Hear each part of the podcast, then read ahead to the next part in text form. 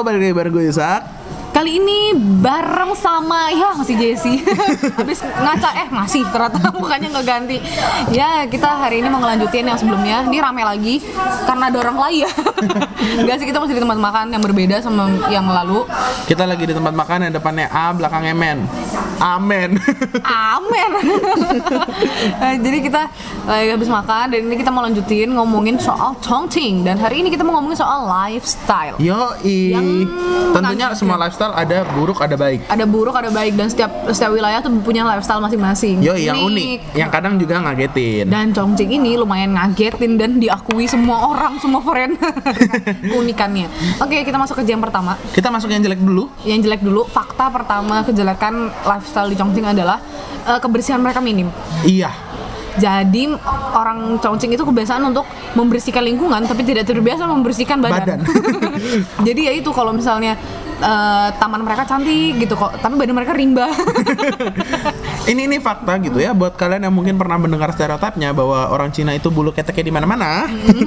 itu fakta banget ya. di sini fakta. Memang itu juga nggak bisa bohong sebenarnya yang eh, bulu ketek itu itu ada hubungannya dengan eh, Kepercayaan mereka. Hmm. Kepercayaan. Katanya kalau dicukur itu menandakan cewek nggak benar.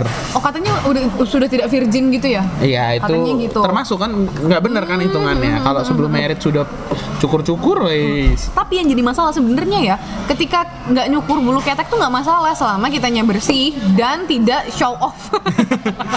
Masalahnya orang sini itu udahnya udahnya bulu keteknya tetap dirawat sampai tumbuh kembang dan mereka juga jarang membersihkan badan. Itu yang jadi perkara. Dan itu kan cewek ya. Iya. Maksudnya aku tuh orang yang kalau ngeliat cewek cukup dari wangi. Dan mereka kan tidak mereka maksudnya mereka tidak pakai parfum, mereka tidak terbiasa dengan parfum, cologne iya, gitu-gitu. Buat mereka itu buang-buang duit. Buang-buang duit. So akhirnya kalau di Indo wangi-wangi di sini wanginya beda wangi terik matahari gitu-gitu nah ini ya jadi jadi jadi persoalan persoalan bagi kita kita yang terbiasa untuk mandi dua kali sehari Oh iya. memberatkan karena harga sabun dan shampoo dan alat-alat kebersihan mandi eh, kebersihan badan lainnya itu mahal Iya ya di sini Jadinya mahal. Di sini mahal. Hmm, karena orang sini entah deh mereka mandi berapa kali sehari cuman yang pasti emang kurang-kurang bersih dan Sebenarnya memang kalau bule-bule juga banyak kan mandi sehari sekali kan karena Iya, ada tapi- pengaruh cuaca. tapi mereka eh, tapi biasanya tuh tetap bersih gitu loh kalau orang sini bule, bule itu eh, secara medical ya, Mm-hmm. secara klinis memang mereka nggak segitu gampang berkeringat ya. Dan dari makanan Dari mereka makanan juga lain ya. kan. Makanan kita kan rich, rich in flavor gitu. makannya bawang gitu-gitu terus akhirnya jadi bau badannya Harusnya kita mah harus lebih sering mandi memang Sering Asia mandi, tuh. ha, Tapi. Ya karena orang Cina terbiasa mandi sehari sekali. hemat babe jadi dan eh, yang paling mengerikan adalah kebiasaan jorok ini itu juga dimulai dari sangat saat kecil jadi anak-anak eh, balita di sini itu kebiasaan udah dibiasakan pakai celana yang bolong Unt- ah, ayo kenapa tuh bolong? Coba di post dulu terus di komen. kira-kira gimana tebak ayo jadi celana mereka itu bolong itu supaya memudahkan mereka untuk buang air jadi nggak perlu beli eh, ini Pampers. pampers pampers. Suka di- diapers. diapers. Jadi mereka nggak usah beli diapers kan mahal. Jadi untuk menghemat jadinya mereka bolongin aja udah dan itu dijual loh dijual umum Iya, memang memang modelnya begitu dan Model waktu itu kan gitu. pernah ada kasus tuh yang di Hong Kong oh ya yang eh, di tempat umum anak bayinya terus kemudian pipis. Memang pipisnya di tong sampah. tetep aja itu tong sampah kotor Iya, itu pipis dan BAB kayaknya kalau aku lupa nggak salah ingat. ya ampun Karena memang mereka terbiasa di sini juga seperti itu ya. itu kebayang nggak sih banyak kotoran kuman bakteri ya ampun Satu yang satu yang aku nggak bisa pungkiri memang harga eh, diapers di sini eh, popok Lumayan. sekali buang itu memang mahal, Mahal. sekali. Dibandingin dengan Indonesia harganya bisa 2 3 kali lipat. iya Heeh, dan susu formulanya juga sama gitu loh Hmm. sehingga mereka akan ketika mereka punya anak itu nggak gampang Hmm. mereka harus sangat berhemat gitu Mm-mm. Dan terus ya kebiasaan orang sini yang jelek juga adalah meludah. Meludah. Di mana-mana. Di semua tempat bahkan di indoor. Iya. Di kantor polisi di mall. Da- di bank. Dan ketika kita ngomong di subway misalnya mereka bukan meludah di tong sampah. Kalau di Indonesia misalnya kita meludah di dalam mall maksudnya adalah kita meludah di tong sampah. Iya. Di sini enggak. Di lantainya. Lantai mall. langsung. Luar biasa. Mereka tuh tuh the point jadi langsung dan, dan dan yang parahnya adalah mereka suka mengeluarkan suara-suara Iya, pakai tenaga dalam. Iya. Dan itu mau cewek, mau cowok, cuman biasanya sih anak-anak muda dan orang-orang modern udah enggak. Cuman kayak Iya. ibu-ibu, bapak-bapak, nenek-nenek, kakek-kakek semuanya kayak gitu. Sudah terbiasa. ya. Iya. Duh, itu itu kebiasaan buruk yang yang Harus dibabat. Bukan harus dibabat sih, itu menjijikan. Jujur aja itu menjijikan. Lanjut, kita mau ngomongin apa nih? Yang kebiasaan buruk lainnya Apa tuh? apa, J? Kebiasaan buruk apa tuh? apa ya? Kebiasaan buruk lainnya? Aku Ya. lupa. Nah, kebiasaan buruk yang berikutnya apa, J? Kebiasaan eh, teriak. Iya, aku pernah kejadian nyata di bus udah malam pulang dari gereja ceritanya. Hmm. Terus kemudian naik bus, ada dua bapak-bapak yang masuk terus juga teriak wah wah wah wah wah wah wah wah wah wah, wah." Setengah jam aku harus mendengarkan mereka. itu pusing banget. Jadi tuh gini ya, waktu itu aku pertama kali datang ke Cina itu ke Guangzhou. Dan di Guangzhou itu waktu itu hektik banget, rame, berisik. Aku stres karena jujur aja aku tuh tipikal walaupun aku tuh kalau ngomong rada kenceng, rada rame, cuman aku pusing banget kalau denger orang ngomong teriak kayak mau marah tuh rasanya nggak enak kan kalau denger orang mau marah. Nah, waktu itu di Guangzhou tuh kejadiannya kayak gitu. Aku pusing harus belasan jam dengerin orang kayak gitu. Itu rasanya tuh kayak aduh mau pecah kepala dengerinnya. Eh sampai di Chongqing juga nggak lebih baik karena memang semua orang kayak gitu. Iya. Jadi semua orang tuh kayak kayak teriak satu sama lain kayak orang mau kelahi, mau ribut. Jadi pernah waktu itu ada kejadian, eh, aku tuh lagi pergi ke satu tempat pu- publik gitu sama temanku. Terus kem- eh, udah gitu, kita tuh denger ada ibu-ibu ada ibu-ibu sama anaknya nggak ibu muda gitu sama anaknya ada anaknya anak kecil bayi eh, balita sama neneknya terus si ibu tuh di telepon lagi teriak-teriak dong marah-marah dia marah banget tuh kayak udah udah tuh sampai mau banting teleponnya gitu kan aku sampai wih ini kenapa nih kalau kita di Indo kita udah nonton dan dikamerain itu pasti udah dikamerain Terus sampai "Ih, kenapa serem banget dan dia itu ada anaknya anaknya tuh sampai nangis Oh ya? Heeh, sampai nangis. Terus ternyata setelah aku perhatiin, yang jadi bahan omongan dia itu sebenarnya bukan dia mau lari.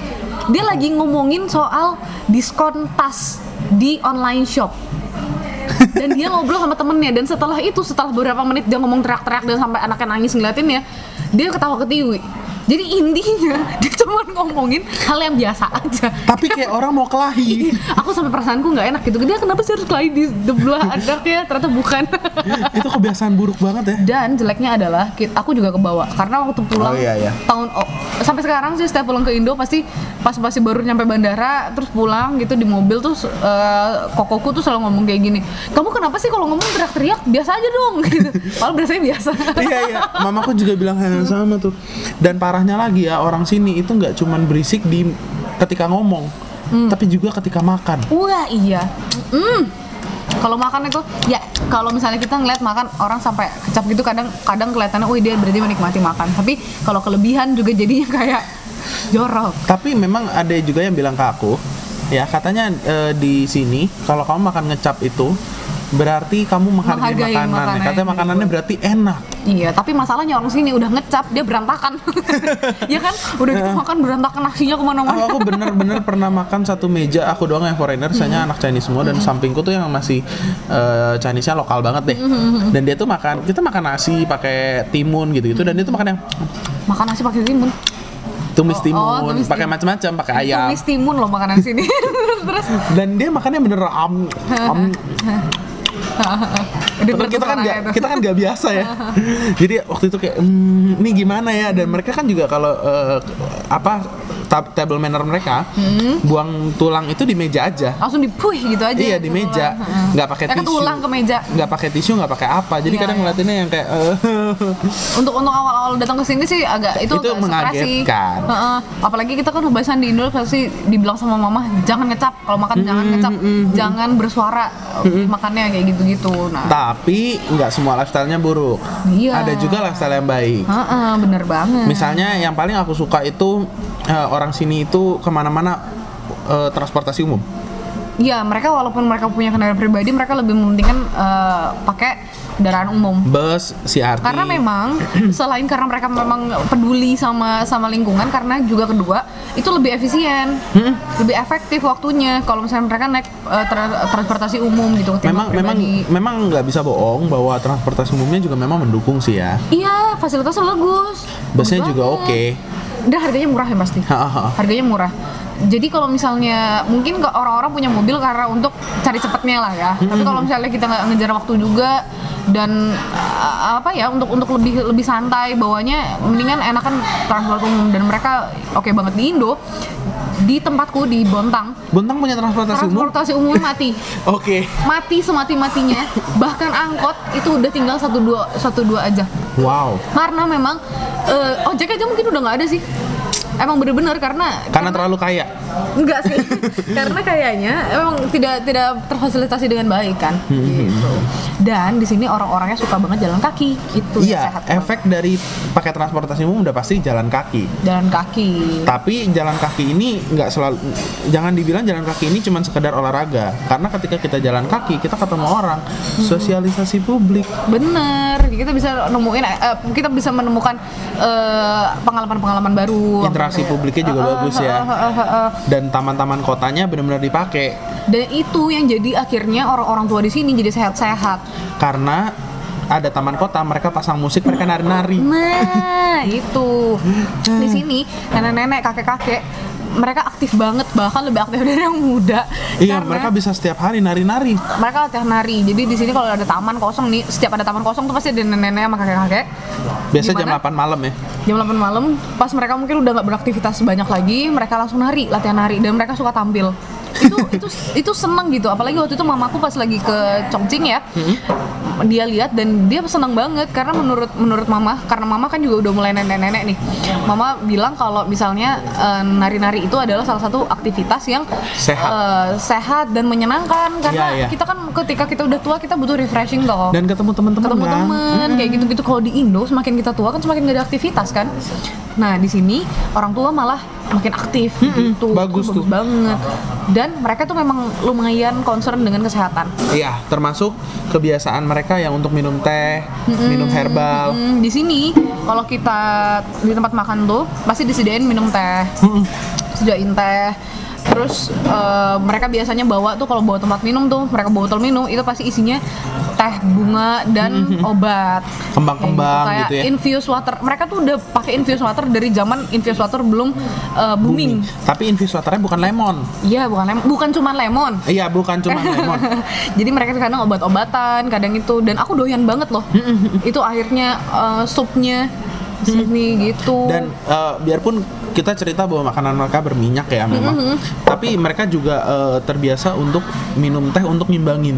Tehnya Iya. teh-teh yang memang untuk nurunin Iya, kolesterol, minyak-minyak gitu ya. kalau kita biasanya kan kalau makan di sini tuh disediainnya kayak bakwit gitu kan teh bakwit kayak gitu-gitu Dan eh, satu yang aku cukup karena kan eh, mahasiswa kedokteran ya. Satu yang Aku juga. Oh iya. satu yang yang aku cukup senang adalah karena di US sekarang itu antibiotik itu sudah diperjualnya bebas. Eh, Benar-benar antibiotik benar. Iya. Nah itu efek sampingnya adalah terciptanya superbakteria. iya Uh, uh, ada beberapa ada satu dua video di YouTube yang mulai ngomongin soal superbakteria karena secara otomatis bakteri itu akan mulai tahan dengan antibiotik. Jadi Iya, semakin ha-ha. semakin kita abusive dengan antibiotik itu uh, bakterianya semakin parah, semakin kuat, semakin kuat. Nah, di Cina ini mereka sangat sangat menjaga uh, penggunaan obat. Mereka lebih suka pakai uh, Chinese herbal. Ya kan? Traditional Traditional Chinese medicine.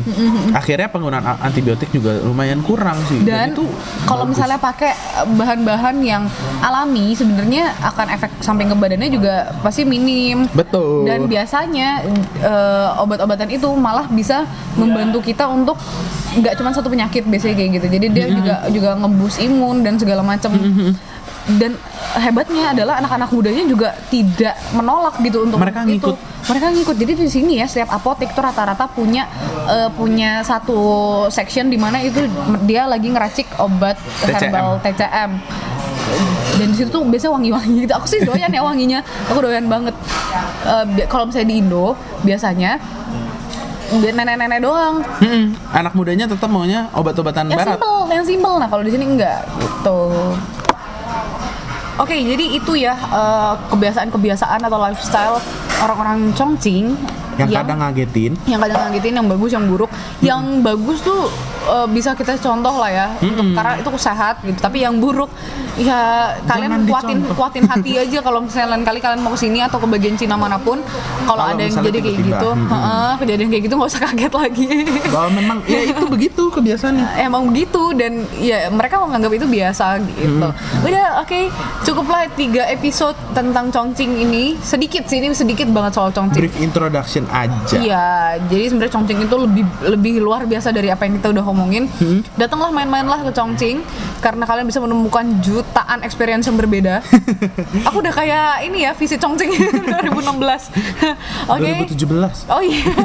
Oke, thank you sudah dengerin kita. Jangan lupa di like, share dan komen dan juga jangan lupa follow at cupus guy pakai Z. Z dan J double S I E A V G di Instagram. nggak ada e nya Ada J double S I E A V G. bukan J E S Oh iya. J E maksudnya J E double S I E A V G. AVG nya Si- itu artinya antivirus Iya antivirus atau Avenger suka-suka aja. Oke, eh, jangan lupa dengerin yang selanjutnya karena kita akan membahas hal-hal yang lebih menarik lagi. ya selalu dengan kita yang seru-seru ini Iya dan jangan lupa juga nonton video kita nanti kalau udah rilis. Thank you dan dadah. bye